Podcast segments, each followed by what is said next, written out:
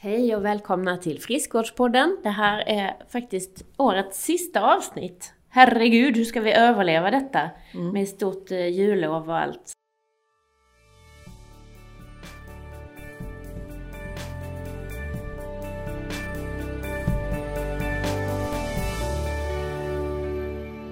Hur har du haft det sen sist Anna?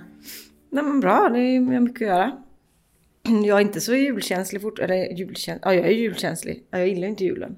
Jag vet inte vad det är med mig. Men jag har ingen julstämning. Nej, men det kanske man inte får. för Men jag fick liksom, lite mer eh, när jag gick inom stan. Andas lite och tänker liksom...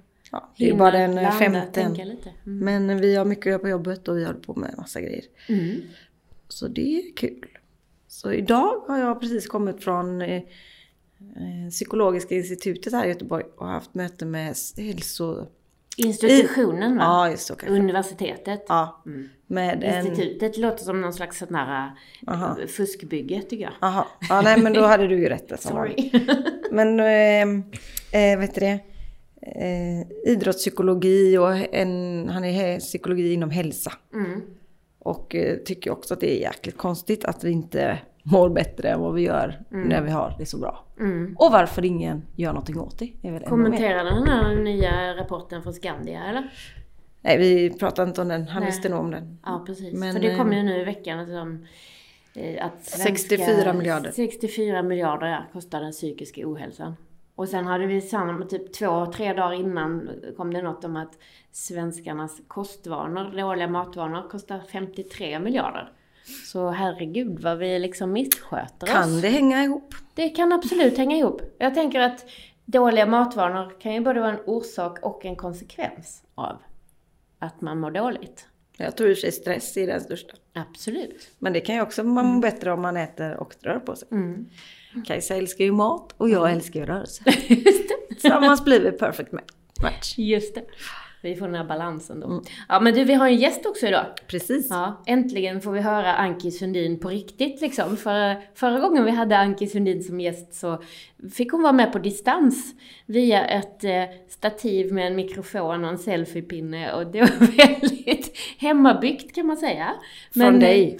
Ja, precis. Och dessutom så tror vi kanske att det var så att batteriet tog slut efterhand som avsnittet pågick. Mhm. Så ljudet blev mer och mer som om det var en plåtgubbe som Ja, satt i en burk. Men nu är hon här på riktigt. Mm. Underbart. Välkommen hit Anki. Tack så mycket. Är är nu den micken på då Mm, ordentligt? mm, ja, mm, underbart. Du hör henne där. Yes. Ja, bra. Då har vi säkerställt det. Mm. Anna har lurarna på, så det hörs hela vägen. Strålande. Väldigt bra.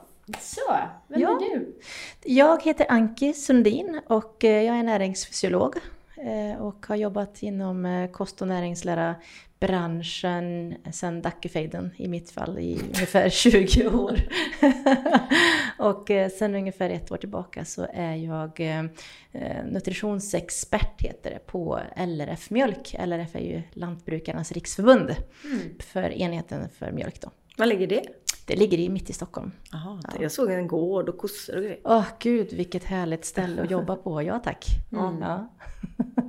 Ni har inga kossor där? Jo, ni har lite plastkossor. Jag har ju varit där ibland. Eller de ja, och vi längtar ju ut i naturen allihopa så att vi har gjort oss några studiebesök också här under våren och fick uppleva lite, lite eh, ordentliga lite jord under sulorna och sådär och titta på lite kor och så. Mm. Mm, det kändes Härligt. härligt. Mycket, mycket. Det är ändå era medarbetare kan man säga. Ja men i allra högsta grad. Det är väl Mm. härligt att kunna göra en, ett jobbbesök liksom på en gård i det här fallet.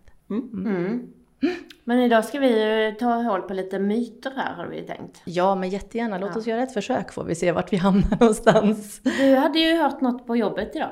Vad var det för något? Nej men det här med mjölk är ju väldigt, eh, eh, ja, två, eller en vattendel eller vad säger Det är man? väldigt laddat Ja. liksom.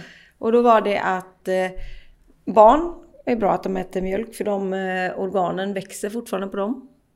Men vuxna behöver ju inte få växande organer. Så då mm, ska man inte dricka mjölk. Just det. Såg den var lite tveksam, men den, eh, ja något sånt. Ja, jo, men det, det finns lite olika varianter på det där och det är klart att eh, jag skulle aldrig påstå att alla måste dricka mjölk och äta mjölkprodukter. Det går att ha en jättefin sammansatt kost utan mjölk och mjölkprodukter. Men det man ska komma ihåg då det är ju att det finns jättemycket näring och eh, väldigt mycket intressanta och positiva hälsoeffekter utav att just konsumera den typen av livsmedel. Ehm, så att ehm, man kan absolut konsumera mjölkprodukter även i vuxen ålder om man nu önskar och vill det. Och kan. Eh, så. Självklart så ska inte mjölkproteinallergiker göra det, men det är implicit, det är underförstått. Så att eh, det, det utgår vi från att alla förstår. Men, men eh, vuxna kan absolut dricka mjölk och äta mjölkprodukter. Och det är, inte, det är inte farligt på något sätt. Det är snarare så att man kopplar mjölkproduktion, förlåt mig, mjölkkonsumtion med en minskad risk för diabetes, minskad risk för stroke och andra hjärt-kärlsjukdomar, en minskad risk för eh, övervikt till exempel. Så att det finns massor med positiva aspekter. Eh, fetost till exempel som man ju kanske historiskt och lite konventionellt också kanske skyr lite grann från myndighetshåll och har varit väldigt länge ett liksom, dekret att man ska välja magra mjölkprodukter istället. Och nu visar det sig snarare kanske mer att, att just inte minst då fetost faktiskt kan vara Men vänta, positivt nu måste jag för fråga, blodfetterna. Nu måste jag fråga en sak. Ja, gör det du. Bring it. Ost är mjölkprodukt. Ja. Det ja, äter ju typ alla vuxna. Ja. Men det är ett glas mjölk de har mm. hängt upp sig på. Mm. Ja. Ja, det, så, jag ville bara... så kan det vara hos en del. Andra drar alla mjölkprodukter över en kam. Så att för att det ska bli en, en, en korrekt diskussion med en person öga mot öga så måste man ju först definiera det mellan sig så att man vet vad man ska prata om förstås. Mm. Men när jag pratar mjölk och mjölkprodukter här så menar jag alla mjölk och mjölkprodukter om jag inte mm. säger någonting annat. Men jag tror det hakar upp sig vid ett glas mjölk. Ja, ja men det mm. tror jag. För det är ju väldigt sådär att man, eh, det är farligt att dricka ett glas mjölk. Men om jag har den i en plastshaker och har liksom haft liksom eh, vad ska man säga, inte genvägen utan senvägen via ett pulver. I form av en sån här typ, eh, någon slags pulver som man tar proteinshake. i, proteinshake ja, mm. i samband med att man tränar på ett gym. Då är det jättefint med mjölk. Det är jättekonstigt tycker jag. Ja, om det nu är samma grupp grupper som har åsikter om mjölk som dricker proteinshakes som är baserat på vassle och kasein. Jag vet inte men... Eh, nej, det, det kan ju, vara andra. Nej, precis. Men, men det är ju intressant iakttagelse oavsett. Att det är oftast mjölken per se som man hakar upp sig på, mm. inte filen eller yoghurten. För keso? Ja, cottage cheese till exempel, keso ja. Det är också en mjölkprodukt som mm. alla yoghurt. älskar liksom. yoghurt, kvarg. Ja. Grädde, crème fraîche smör. Det är väldigt mycket som man, om man liksom tänker på det. I alla fall jag använder ju mjölkprodukter nästan varje måltid.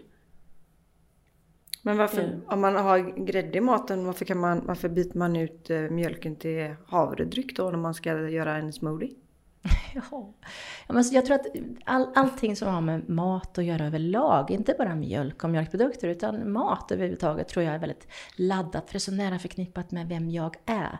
Jag tror att många gånger så lämnar vi liksom näringsfysiologin, som jag tror att vi är mer intresserade utav, eh, och går in på beteendevetenskap, som i och för sig också är jätteintressant, men som, där man liksom blandar ihop korten lite. Och ibland så eh, talar man utifrån olika plattformar. En del menar att eh, eh man, man eh, de, de, de vill undvika vissa livsmedel för att det inte passar in i en viss livsstil. Och det kan man ju tycka, men det har ju ingen näringsfysiologisk liksom bäring på något sätt. Så där tror jag att vi måste vara jättenoga med att prata, okej, okay, pratar vi näringsfysiologi nu? Eller pratar vi ideologi? För att pratar vi ideologi, då har jag inga mandat och åsikter överhuvudtaget. För alla får ha vilken ideologi de vill. Men pratar vi näringsfysiologi och vi ska prata om vad säger forskningen kring kopplingen mellan mat och hälsa i allmänhet och mjölk och hälsa i synnerhet. Och när jag säger mjölk här så menar jag inklusive alla mjölkprodukter. Ja, då är det en annan sak. Så där får man hålla tungan lite rätt i mun tror jag. Mm. Mm. Men oftast när folk har en stark åsikt så handlar det ju mer om känslomässiga skäl. Liksom. Ja, alltså tittar man på de befolkningsundersökningarna, eller jag ska säga konsumentundersökningarna som precis nu kom i november 2019. Då är det två stycken stora som har kommit ut. Det är dels eh, Kantar Sifo och sen har ju livsmedelsföretagen tillsammans med eh, Demoskop, eller på uppdrag av, Demo, utav, på, på uppdrag av Livsmedelsverket så att Demoskop gjort en liknande eh, undersökning som pekar på att man förknippar liksom ehm, eh, Eh, en viss livsstil med ett visst val av kost. Så man är liksom det man äter, eller snarare man är det man inte äter, som det faktiskt uttrycktes i en av de här undersökningarna. Mm. Ja, jag äter inte gluten, jag äter inte X eller Y, alltså är jag en sån här person ungefär. Mm. Um, och, och, då blir det lite svårt att liksom prata näringsfysiologi, forskning i det. För då är det någonting annat. Då liksom söker man kanske en identitet i maten. Och nu är vi inne på ett område som inte jag är expert på alls. Att, så, och det, jag tror att ni två kan mycket mer om just beteendebiten och psykologin. Mm. Men, men, jag tror ändå att det finns en, en viktig komponent att ta hänsyn till där. Men visst är det helt konstigt att vi börjar liksom, jag vet inte om det är så i andra delar av världen också, men vi definierar ju liksom nyttig mat mm. med vad den inte innehåller. Som en tallrik isbitar är också glutenfri och GMO-fri och fri från tillsatser. Men den innehåller ju ingenting. Nej, lite så. Det är väldigt så intressant att man plötsligt, bara för att jag använder liksom glutenfria havregryn i min chokladboll, mm. då är den mm. plötsligt nyttig. nyttig ja. det, det, är så konstigt. Varför mm. tänker man så? Ja. Nej, men jag, jag, tror i alla fall att det handlar mycket om att människor är måna om sin hälsa. Många är måna om sin hälsa. Många eh, är eh, liksom på väg eller har ambitionen att, att bete sig så hälsosamt man kan. Och så anser man antingen att man lyckas helt eller delvis eller också så har man fullständigt misslyckats. Eh, jag tror att där någonstans så har vi väl en del av nyckeln, tänker jag, till varför man väljer vissa livsmedel och liksom också vill ha någon sorts grupptillhörighet, nu är vi inne på det här med beteende igen, men, men de har liksom lämnat det här med näringsfysiologi. Varför vill man undvika en viss, ett visst livsmedel och varför vill man äta utav ett annat livsmedel? Och där tror jag att återigen det här med kunskapen, alltså kompetensen, möjligheten att kritiskt granska undersökningar som man kanske är skolad att göra i viss mån inom naturvetenskapen i sin grundutbildning åtminstone. Sen så fortsätter man ju bli ännu duktigare på det här om man nu väljer ytterligare en avancerad utbildning och sen så kanske till och med blir forskare och så vidare. Då är man ju verkligen expert på att granska studier. Men vi kanske inte kan begära det utav folk i allmänhet. Man är inte intresserad av kost och näringslära på den nivån. Och jag brukar dra likheten med att om jag går in i en affär och ska köpa en telefon, då vill jag ha en telefon som funkar. Den ska gå att ringa med, den ska gå att skicka lite sms med och kanske filma med och fota med och sådär. Jag har inget intresse av att veta vad det är som är bakom skalet. Jag vill att du som säljare ska ta fram en bra telefon åt mig. Varsågod! Så, och det, jag tror att det är lite grann samma sak här. att ju mindre vi vet, desto mer detaljbestyrda blir vi kanske. Eh, och eh, ju mer vi utav kunskapen vi tar till oss, desto mer nyanserad tror jag att vi kan bli. Mm. Mm. Jag hade någon sån äh, möte med någon äh, säljare om, äh, eller om det var på en föreläsning, jag minns inte, men de pratade om pensionsförsäkringar. Och då sa de det att ju fler, alltså ju mer komplicerade val vi har att göra, ju, fler, ju mer komplicerat det är vi står och ska välja in, så, eh, så går vi mer på känslor. Mm. För att vi har inte liksom, vi orkar inte sätta oss in i detaljerna.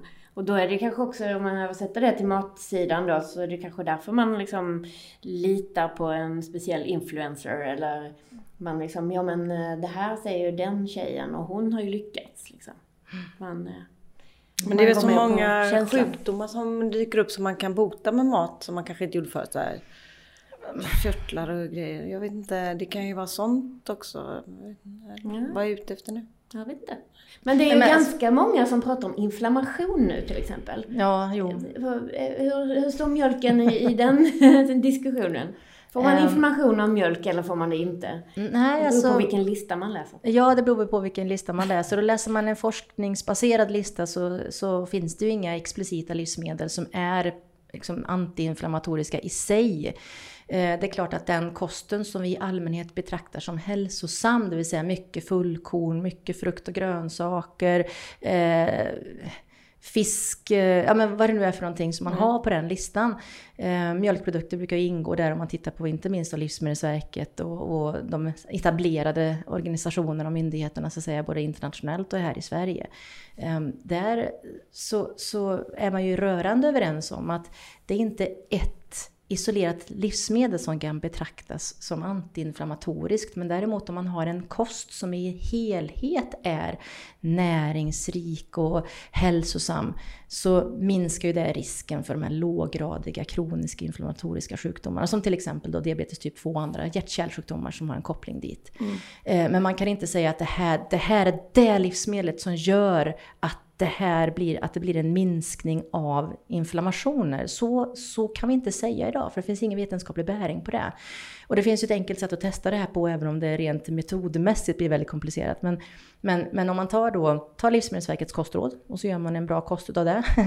och sen så jämför man det då med en uttalad då, eh, profilerad antiinflammatorisk kost. Om den då så kallade antiinflammatoriska kosten skulle ha en bättre effekt på hälsan än de vanliga svenska kostråden, ja men då kanske vi är någonting på spåren. Men i dagsläget så har vi inte det forskningsunderlaget.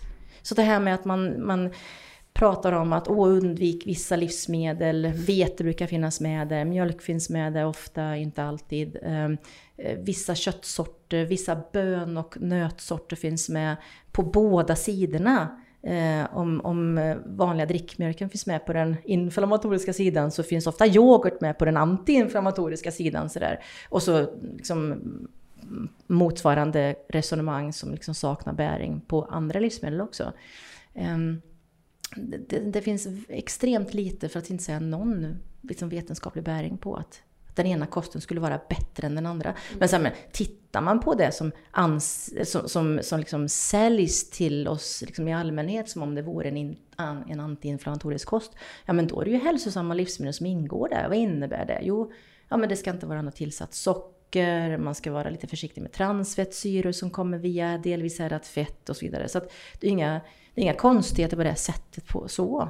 Mm. Nej, det är väl så man försöker äta. Ja men lite så, eller hur? Och så kan vi profilera som Anna-dieten eller Kajsa-dieten eller Lanke-dieten eller vad vi vill. Men det betyder inte att någon av de här dieterna skulle vara bättre än någon annan. Så här, jag har ingefära i min diet och du har liksom eh, chilipeppar och så vidare. Ja men min diet är mycket bättre. Det finns inte något sånt underlag. Nej. Jätteviktigt att poängtera detta. Men du, jag tror det var ganska många som kanske sådär, what? Vad sa hon nu? För en liten stund sedan när du sa att fetost var bra för hjärt-kärlsjukdom. nu får du nog förklara det. Ja, Kan vi få ett utvecklat resonemang kring ja, detta? Ja, jättegärna. Ja, men det är ju så här att det finns ju en, en uppfattning kring att mättade fettsyror är kopplat till höga blodfetter och ökad risk för hjärt-kärlsjukdomar. Den kopplingen har vi ju i så kallade befolkningsundersökningar. Men det som är intressant det är att det går inte att förutse att samma sak skulle hända om man fick sina mättade fettsyror ifrån fet ost. För att trots då inom citationstecken att fetost innehåller mycket mättade fettsyror så har inte ost som livsmedel eller en kost som innehåller fet ost som en beståndsdel den effekten på hälsan. Så att om man äter mycket fet ost eller om man äter fet ost överhuvudtaget så betyder inte det att man ökar sin risk för hjärt-kärlsjukdomar, snarare kanske tvärtom i vissa studier. Mm. Och det här, liksom, det, det, finns många olika hypoteser kring vad det här handlar om. Eh, för några veckor sedan här nu på LRF så arrangerade vi ett seminarium som vi kallade för Mat mer än klimat. Och bland annat så var en forskare som heter Fredrik Rosqvist, jag tillåter mig att nämna eh, hans namn utan att han, han vet att jag ska prata om honom här, men han är otroligt duktig eh, forskare som har just tittat på det här med, med eh, kopplingen mellan eh, mellan eh, mättade fettsyror, mjölkfett och hälsa. Och bland de studier som han tog upp i det här sammanhanget så, så var det ju uppenbart att det finns då dels eh, olika typer av membran i, i ost ifrån det naturliga fettet som finns i ost. Det finns i ursprungsmjölken liksom, men, men det blir liksom i koncentrerad form i osten för att det är ett väldigt fett livsmedel. Ehm, och ehm, Eh, och de här membranen skulle då kunna ha ehm, med, med effekten på hjärthälsan som man då ser som positiv. Men också att det finns någonting annat. De här membranen kan inte bara, de, bara de kan inte förklara den här effekten. Och då kommer man in på det som man pratar om och kallar för food matrix. Eller då i mjölkens sammanhang dairy matrix. Dairy är ju engelska för mjölkprodukter helt enkelt. Så det finns någonting annat som vi inte riktigt har klart för oss vad det är, men som finns i maten.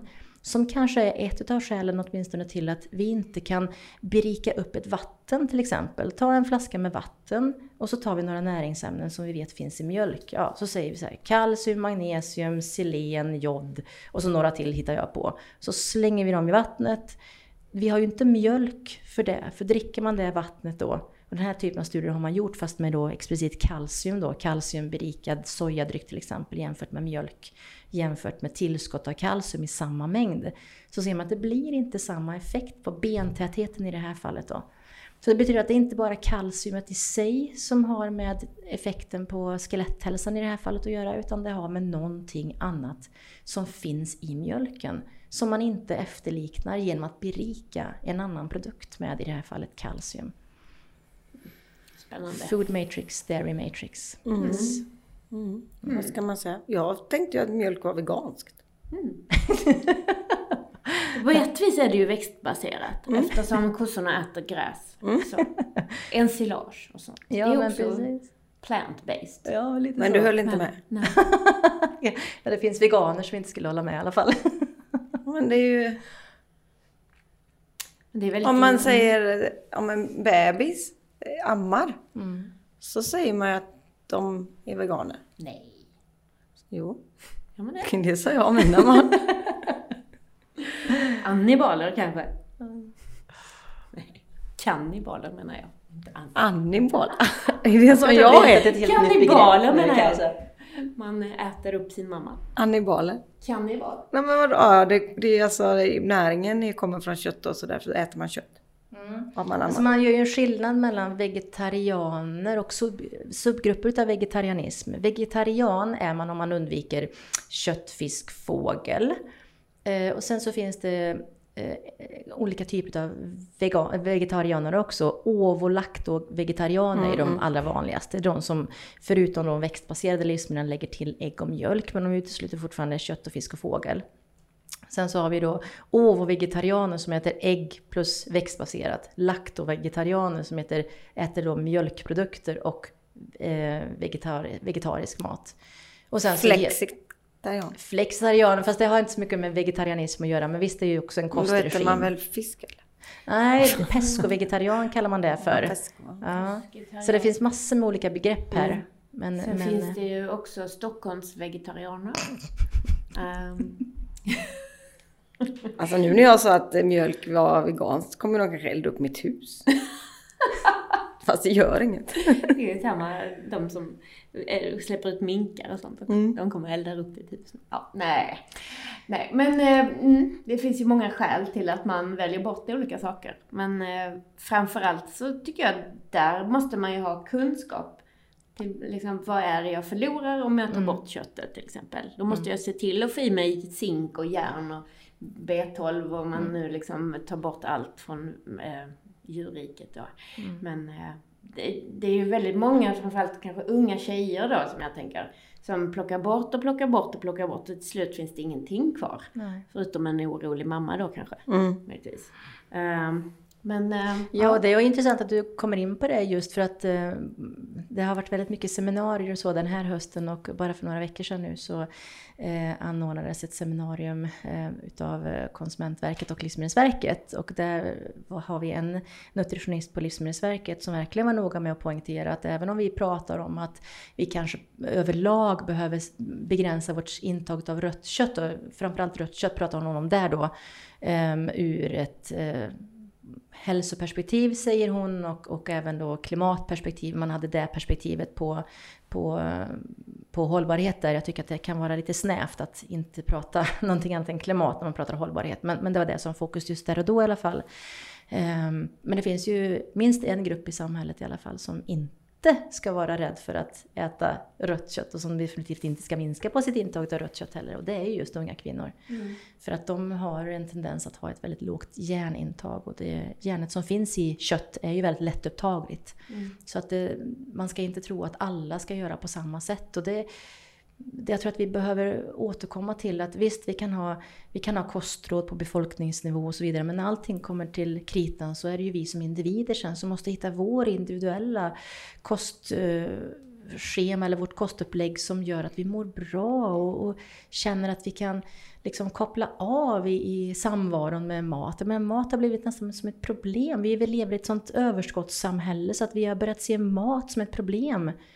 Och, och ett helt, ja, det är ett helt, eh, vad ska man säga, vansinnigt sätt. Mm. Vi har alltså en miljard människor som svälter på jordklotet. Och här ägnar vi oss åt att titta på om det är Oj, oj, oj, jag är inte glutenintolerant men jag tror inte att jag ska äta gluten ändå. Så då ska man ägna sig åt att jaga runt på en sånt. Alltså, vart är vi på väg någonstans? Nu mästrar jag lite grann här kanske, det är inte min avsikt. Men, men låt oss få en lite mer sansad syn på det här med mat. Ät och var glad. Och ät fika ibland om du vill och basera maten på bra livsmedel. Och liksom, men må inte dåligt bara för att du äter en kaka. Jag såg på en av sociala mediekanalerna häromdagen då var det en, en dam som ondgjorde sig själv över att hon hade haft tre kalas under helgen. Och så skrev hon den här helgen var skit, jag har ätit tårta på tre kalas. Och då tänker jag, va? Har du varit på kalas tre gånger den här helgen? Gud vilket härligt socialt liv du måste ha! Men det var inte det som var fokus, det var nej, jag har ätit tårta tre gånger. Och då tänker jag, har vi för lite problem? Ja, Eller vad handlar det om? Det är väl det som det handlar om. Vi har hela. ingen religion och vi har inga riktiga problem. Ja, men lite så, eller hur? Ja. ja. ja. Men du har ju varit lite i den svängen själv kan jag säga. Vi, vi glömde ju det i introduktionen här att Anki är ju inte bara liksom hon har inte bara huvudet på skaft, hon har ju varit eh, SM-mästare i, vad var det nu? Styrkelyft? Ja, styrkelyft ja. Eh, egentligen bänkpress då hade jag guldmedaljör i och sen så hade jag faktiskt silvermedalj i styrkelyft som hel liksom, ja, som alla tre grenarna som ingår där. Styrkelyft, det står det på golvet? Ja, vi börjar där. och så är det då, ja nu gör du en rörelse över axlarna och det är jättevanligt att man blandar ihop. Det där är tyngdlyftning. Ja. Styrkelyft är så. alltså bänkpress och det är knäböj och det är marklyft. marklyft ja. Precis. Mm. Eh, så det sysslade jag med på tävlingsnivå under många, många år. Mm. Och det är klart att... Um, Man kan nästan vi... se det, du ser lite krallig ut. Åh oh, gud, tack du, så hon mycket. Är, hon är pytteliten jämfört med när jag träffade henne förra gången. ja men ändå krallig för att vara... Jag tror det bara berodde på mjölken. Första gången jag träffade Anki så var hon eh, kursledare på SAFE. Just det. Då, ja. När jag gick PT-utbildning så hade Anki kostkurserna där. Ja, just det. Då var du lite mer bitig. Så. Ja, det var inför ja. tävling då. 2006, 2007 där. Och jag minns att du berättade hur du hade liksom typ, om det var en dammsugare extra per dag eller... Liksom Chokladbollsdieten, stenhårt. Ja. Gick åt två paket Bregott den, här, den eh, veckan i form av chokladbollar. Du vet, det satte sig i den här ganska relativt nyutbildade dietisten så jag var, så här, jag var i chock liksom. Hon åt chokladbollar. Stark som ett troll och slät som en säl. Upp kom vikten och där stod jag sen med medaljerna. Mm. Sen så vet jag inte om det hade just med fettet att göra. Vi pratade om EMTG då, muskelfett. Mm. Som eh, jag tycker är väldigt, väldigt intressant men som faktiskt inte har så mycket stöd i forskningen som jag trodde att den skulle få faktiskt. Mm. I alla fall eh, har man inte så mycket på den inom just styrka baserade idrotter, alltså anaeroba, explosiva idrotter. Sen så kan det alltid vara intressant att diskutera kanske just vid eh, aeroba idrotter, alltså mm. uthållighet och så. Men just eh, styrketräning och så. men du känner att du blir starkare av chokladbollar? Eh, ja men alltså förmodligen så det, har det mycket med energitillgängligheten mm. att göra. Mm, ja. ja. Um, och sen så kan man ju spekulera i om det också handlar om tillgången på själva muskelfettet. För muskelfett per definition, per definition är ju en, en lättillgänglig energikälla för mitokondrierna. Så att på plats i muskelcellerna, i typ 1-muskelfibrerna, så finns det då fett inlagrat. Det här, för en som är dietist, så är det här en varningsklocka för att det är också kopplat till en ökad risk för diabetes. Men pratar vi om idrottare så är det snarare en, en, en bra resurs att ha. Så man liksom har laborerat lite grann med fettladdning, precis som man mm. laborerar med kolhydratladdning och sådär. Så det var väl lite grann den svängen som, eh, som det var aktuellt att prata om i MTG. Så det är en lättillgänglig form av energi helt enkelt. Ja, så jag tänker på KB-biff. Just det. det är ja. ju fettet väldigt insprängt. Mm. Ja, fast det är mellan muskelfibrerna. Nu pratar ja. vi i muskelfibrerna. Ja. Men det är ju så när man springer långa lopp, så sista sträckan får man ju ofta chokladboll, chips och eh, Coca-Cola. Om man springer långt. Mm, Okej. Okay. Jag har en eh, kollega som åtminstone har varit ultramaratonlöpare. Och hon sa att det blir väldigt tjatigt att dricka sportdryck och äta godis efter det ente varvet på den där banan. Så att efter ett tag så började de servera sig köttbullar och prinskorv och pizzabitar och, mm. ja, men när jag sprang ett sånt ultra då fick jag godis på sista. Det var choklad, chips, cola. Mm. Det var ganska gott.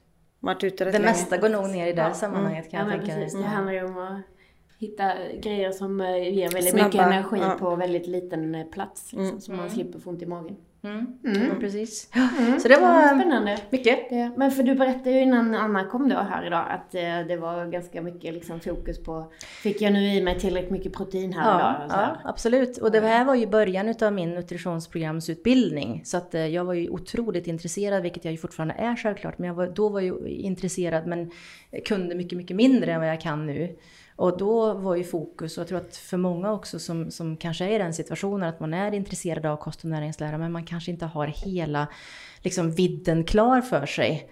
Um, det blir väldigt mycket fokus på detaljer och jag kommer ihåg liksom själv hur jag kunde på kvällarna gå igenom alla måltider jag hade fått i mig under dagen för att verkligen säkerställa att jag var uppe i två gånger min kroppsvikt. Och var jag inte det, det kanske fattades 10-15 gram, Ja, men då gick jag upp och åt en gång till. Det spelar ingen roll om man är full i magen för man precis har klämt i sig lite gröt och vad det nu kan vara för någonting och smörgås med ägg och sådär. Utan då var det en måltid till som gällde för att komma upp i de här eh, grammen då ytterligare. Um, och, och, det blir ju liksom, i alla fall upplevde jag det och jag ser mig hur, hur många nog är åt det, det hållet också, lite liksom nästan åt det ångestfyllda hållet. Då blir det inte maten liksom förlorar en dimension då eh, och blir bara ett verktyg i prestation. Och misslyckas man med att uppnå den här nivån som man har tänkt sig då, ja då blir det en känsla av misslyckande.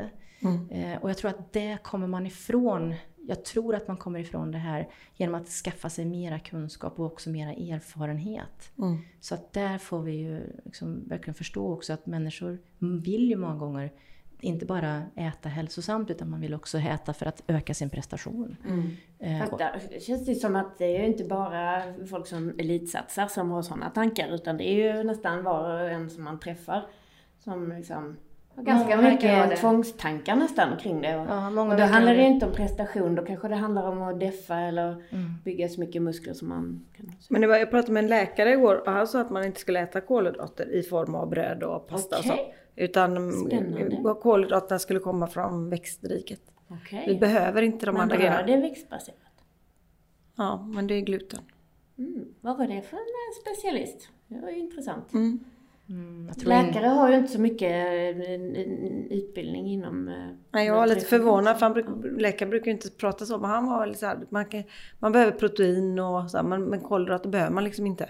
Oj. Mm. Och jag bara, det... om jag ska springa långt så känner jag att jag behöver ja, verkligen. Energi. Jag kanske baserade det på sängliggande patienter som... Ja, för kolhydrater känns ju som bensin lite. Alltså så här är det, kolhydrater per definition är ju inte essentiella näringsämnen. Så visst klarar vi oss med bara de essentiella näringsämnena mm. i form av vissa fettsyror och vissa aminosyror. För vi kan göra de kolhydraterna som vi behöver i form av glukos då för hjärnan och för, för musklerna också naturligtvis. Under förutsättning att vi äter så pass mycket utav alla näringsämnen att vi kan förse liksom hela energisystemet med ett överskott då, så att vi kan ha råd så att säga att göra eh, stora mängder glukos utav det. Men det är ju ett väldigt, väldigt komplicerat sätt att få i sig glukos. Mm. Och det finns ju ingenting idag, ingenting idag som tyder på att gluten för en frisk tarm skulle vara farligt. Och det, det, är beklämmande att höra att det finns läkare som perpetuerar det här missförståndet. Det är inte farligt med bröd. Och jag menar, tittar vi på fullkornsbröd, jag vet du Kajsa är väldigt, väldigt eh, intresserad av just fullkorn. Det är ditt stora intresse. Ja, men, ja, men, ja. ja precis. Och fullkorn är ju en av de här grupperna av näringsämnen. Kan man kalla fullkorn för näringsämne? Ja, det kan man göra va? Det är väl korrekt? Ja, nej. beståndsdel i? Ja, en beståndsdel. Ja, i alla fall. Um, men det funkar ju som ett näringsämne. Ja, men precis. Och det är ju ett av de, liksom, en av de beståndsdelarna som vi verkligen ska jaga efter i maten. Och tittar vi på vad som är den största hälsorisken idag så är det ju bland annat att vi äter för lite fullkorn. Mm. Ja. Så ja. det här med att ta bort bröd. Jag gör inte det. Hallå, hallå. Jag sa bara vad han sa. Ja, ja, bara- absolut. Nej, nej, nej. Men, men jag bara säger Ja, att, du såg att väldigt bestämd ut så jag blev lite rädd här. Ja, nej, men jag står här och stampar med foten och nötter med näven heter det, så det blir någon ordning på det här torpet.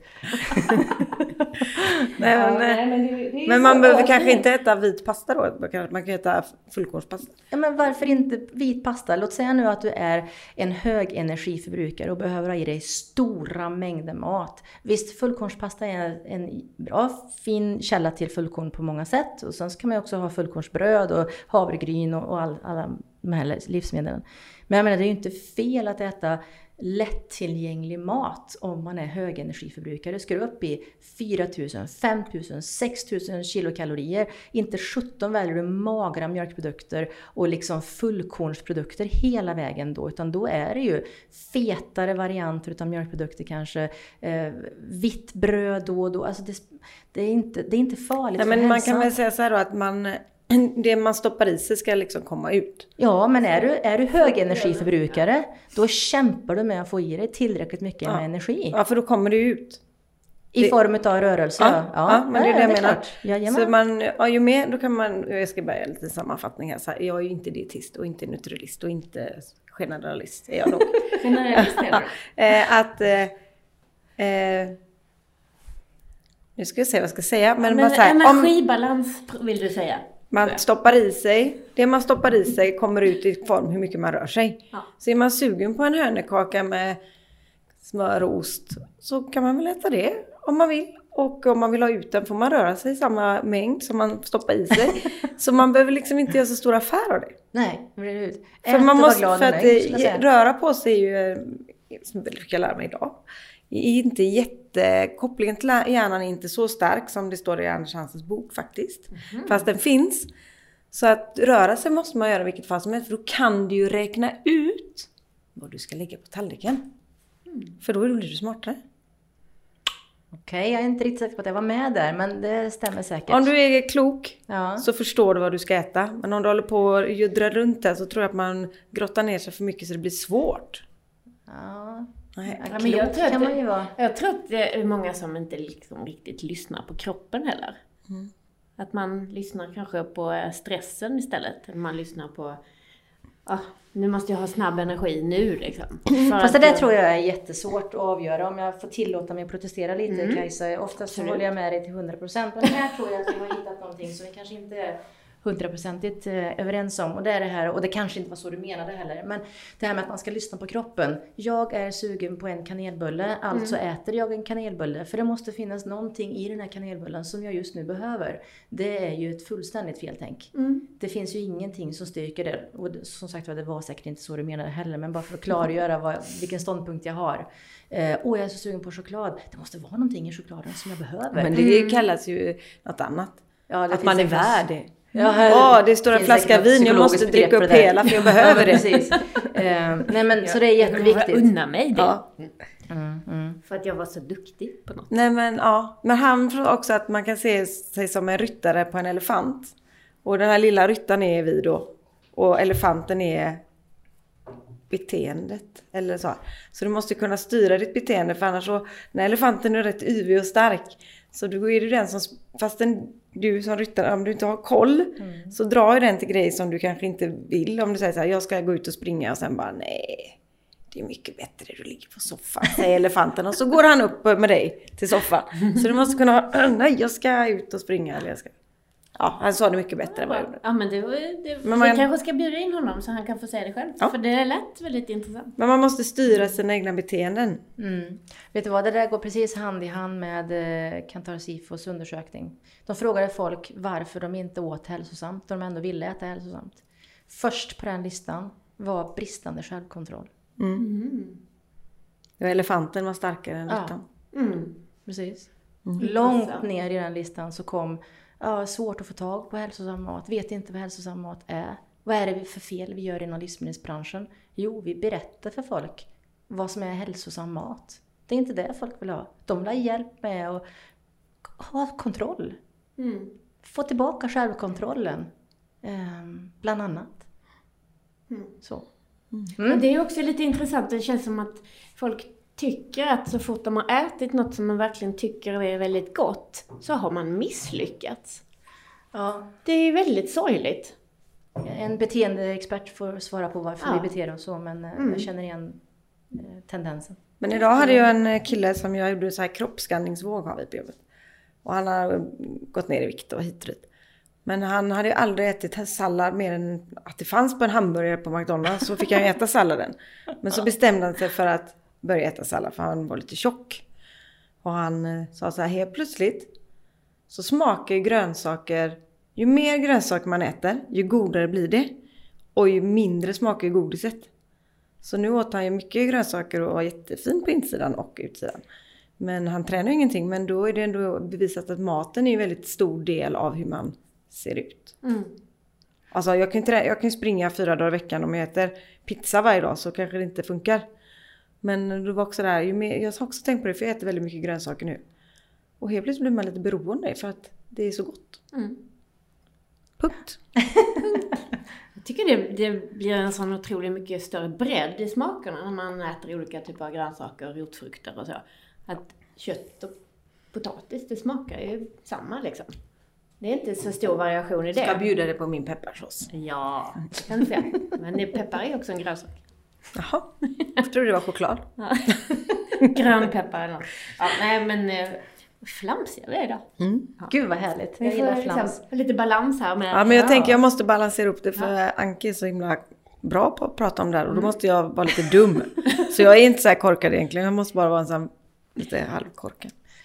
Det du säger är att jag är sådär tråkig att lyssna på, så det måste vara lite roligt från andra sidan. det Jag känner att jag, det lyssningsbart. behövs in en Babben Men du var Larsson. väldigt fin, det var väldigt fint av dig att uttrycka, uttrycka dig så. Det uppskattas. Nej men jag tänker att du kanske får en del motstånd i dina argument eftersom mjölk är farligare än vodka. typ. Mm. Lite, ibland får man nästan den känslan. Men jag hade några fler sådana här myter som jag liksom har hört lite ute på stan så.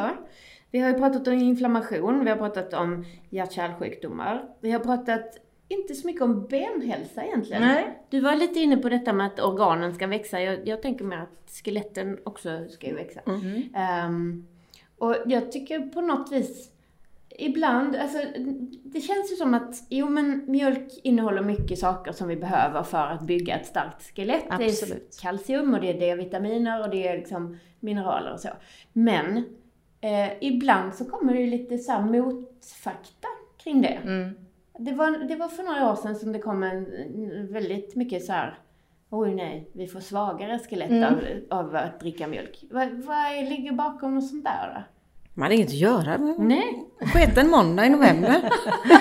Jag måste sälja lite tidningar, vi hittar på något. Ja. Nej men alltså majoriteten utav forskning är ju väldigt, väldigt tydlig med att det finns en stark koppling mellan en god skeletthälsa, minskad risk för benfrakturer och konsumtion av mjölkprodukter.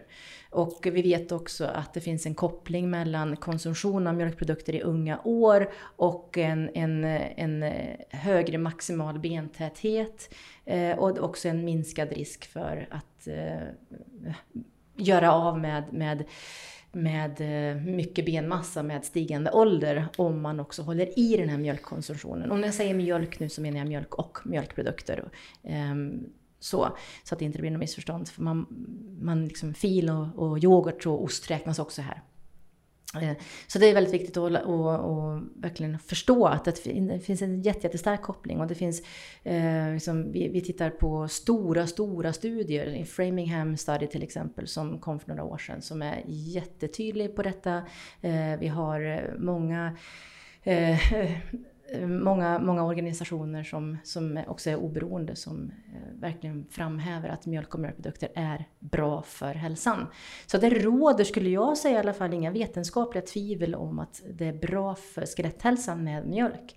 Sen ska vi alltid vara vetenskapligt ödmjuka och säga att vi vet inte allt, det kommer vi aldrig att göra. Och vi blir bättre och bättre på att eh, förfina våra metoder och så vidare. Och ibland så kommer det studier som pekar åt ett helt annat håll. Det är intressant för det kanske betyder att vi har missat någonting och så får man göra om samma studie. Och kommer man då till samma resultat gång på gång på gång, då kanske man har kommit på någonting. Att, hmm, det är en, en, eh, någonting här som vi behöver titta vidare på. Kan det vara så att vi har missat någonting?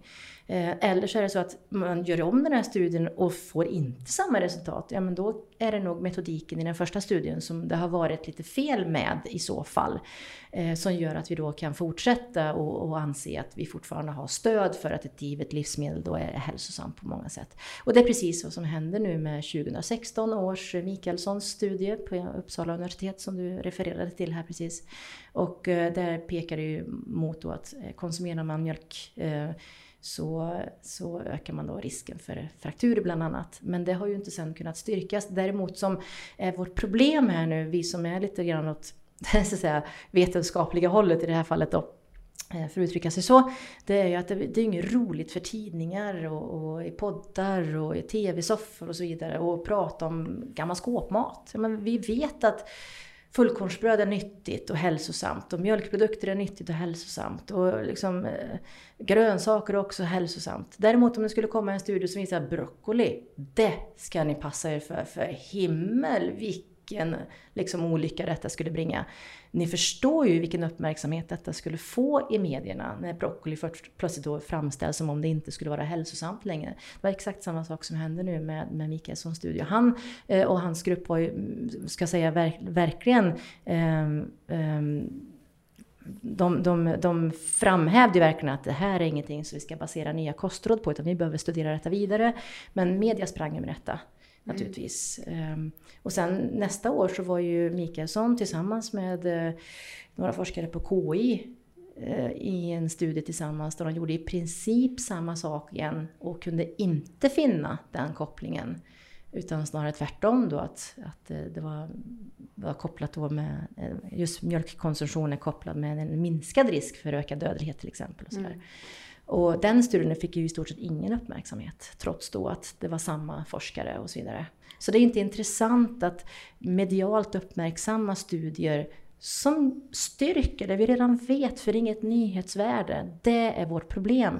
Och då tänker jag så här, vi behöver bli duktigare och då när jag säger vi så menar jag alla vi som jobbar inom kostprofessionen, definitivt alla som är forskare och definitivt alla som jobbar inom journalistkåren måste bli duktigare på att kommunicera med varandra så att vi kan få vederhäftig fakta ut i medierna. För att många bildar ju sig sin uppfattning om mat och hälsa utifrån det de läser i tidningar, det de läser på nätet, det de läser vart nu det är, som de lyssnar på poddar, vad det nu kan vara för någonting.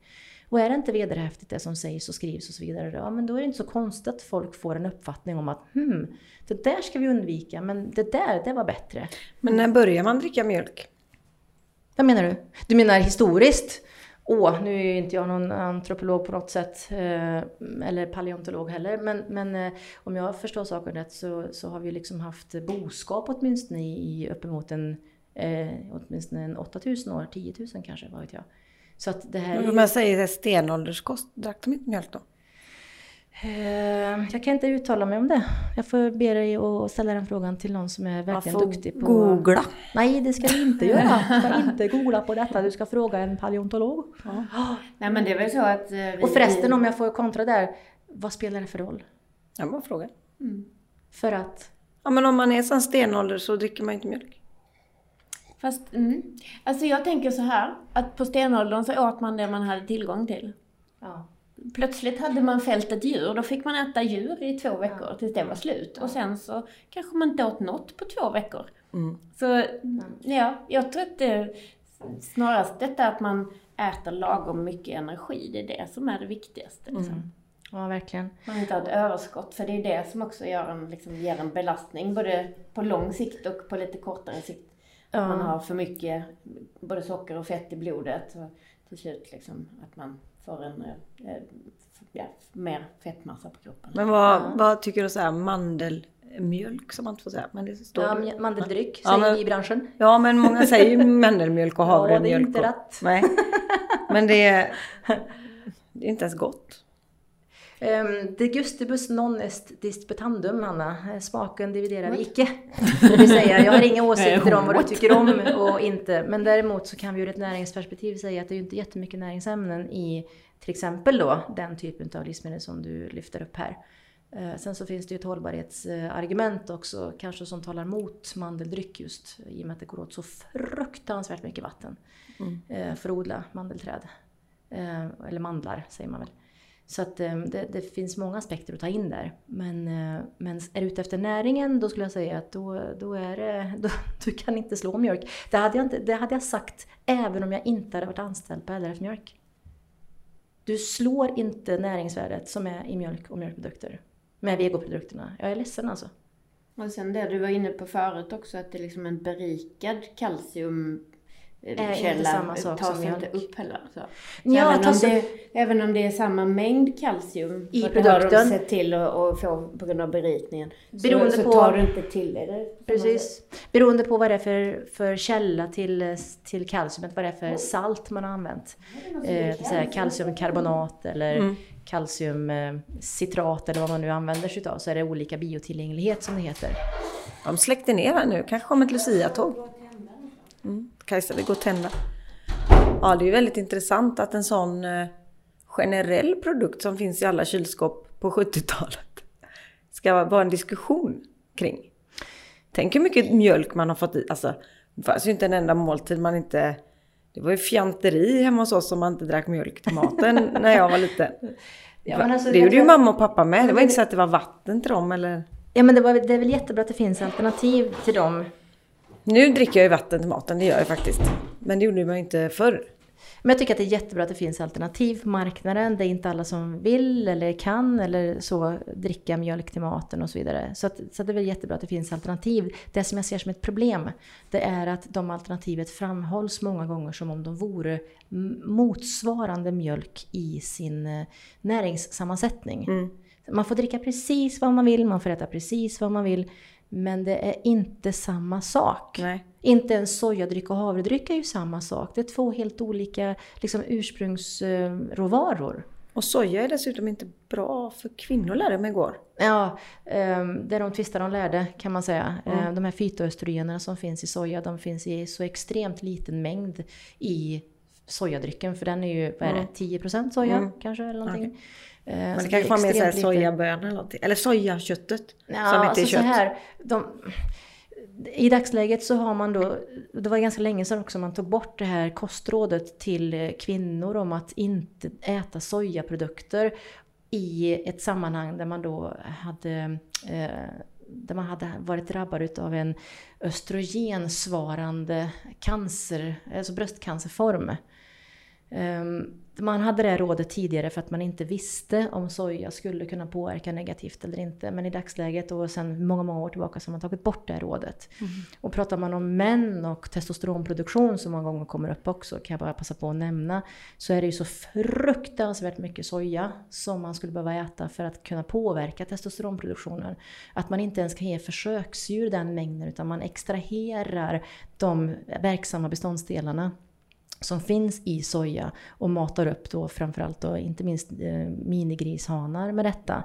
Och det är så, alltså, jag roade mig hemma på kammaren en gång och räkna ut hur mycket de här eh, eh genestin och deidacin som de heter, de här östrogenerna som finns, eller fytoöstrogenerna som finns i soja. Hur mycket är det de har fått de här minigrishanarna i tre månaders tid efter födseln egentligen? Jo, motsvarande, om de då hade varit vuxna män, motsvarande 11,3 kilo sojaprotein per dag. Mm. Då får man tugga. Nej men alltså på riktigt. Mm. Det är ju inte relevant. Jag får bara backa då. Det jag lärde mig igår om soja tar jag tillbaka. Det var bara, det var bara ingen lärdom, det var, var det bara en liten saga.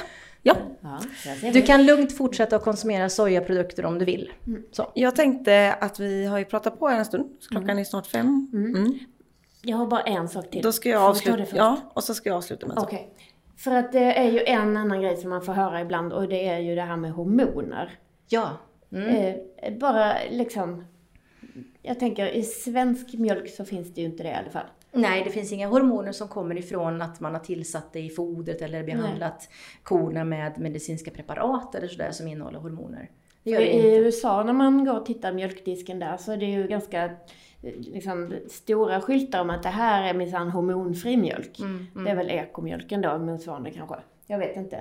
Men det känns ju som att det, det liksom det här ryktet om att det finns tillsatta hormoner, antingen då tillsatt till kossan eller tillsatt ner i mm. själva mjölkdrycken. Mm. Att, ja, vi kan väl bara säga att det finns inte i svensk mjölk. Nej, det gör det inte. Det är inte tillåtet i Sverige att använda eh, använda hormoner på det sättet. Precis. Eh, Så att det finns inga tillsatta hormoner i vare sig mjölken eller hos kon. Och skulle det vara så att man behöver behandla kon med något veterinärmedicinskt preparat så står ju hon i karantän, det vill säga hon får ju inte ge mjölk till, till liksom mejeriet om det finns eh, medicin kvar i liksom mjölken. Så, så Nej, det, det är oerhört stora kontroller på det där. Så välj svensk mjölk, svensk Jaha. yoghurt och svensk ost. Ja. För det ännu viktigare att väl- välja svensk ost faktiskt. För där är ju liksom per kilo tio gånger mer mjölk som har liksom gått åt för att tillverka det. Rätt så. Och för miljön. Ja, absolut. Bra där Anna. Jag vet, jag vet inte om jag sa det här i podden, men jag måste ändå avsluta med att min pappa dricker ju extremt mycket mjölk. Just det. Han har rätt långt till affären, eller mina föräldrar. Men han kan liksom inte gå, alltså han kan inte somna in om det inte finns en och en halv liters paket eller om det är lite paket i kylen. Och han är faktiskt jäkligt pigg. Så att eh, han skulle kanske kunna vara din eh, modell. Ja men lite grann så. Eller vår maskot. maskot. Eller, Ja. ja, Han har också gjort en liten ögonlyft för att han hade så tjock, så, så han ser så här ut som han är jätteung och så här stirrande blick. Så han kanske är på väg att bli så här skitsnygg. Så istället för hon eh, Sjö, Emma, Emma Sjöberg. så kan du ha honom. var, det hon eller? Var, Mjölk eller var i starka ben. Var hon för det eller var hon för lätta?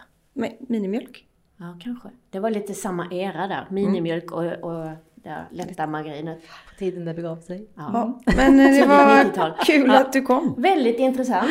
Tusen Tack. tack, Anki. Tack för att jag Så, fick komma hörni. Jättekul att prata. Nästa gång kanske vi kan styrketräna. Ja, nästa gång så kör vi live-träning i gymmet. Marklyft ska vi köra då. Ja, det kör vi. Mm. Det blir flåsigt värre. Det låter gött. Ja. Men eh, ha en god jul. Ja. Detsamma. God jul och gott nytt år. Usch, det var så hemskt. Det var precis sommar.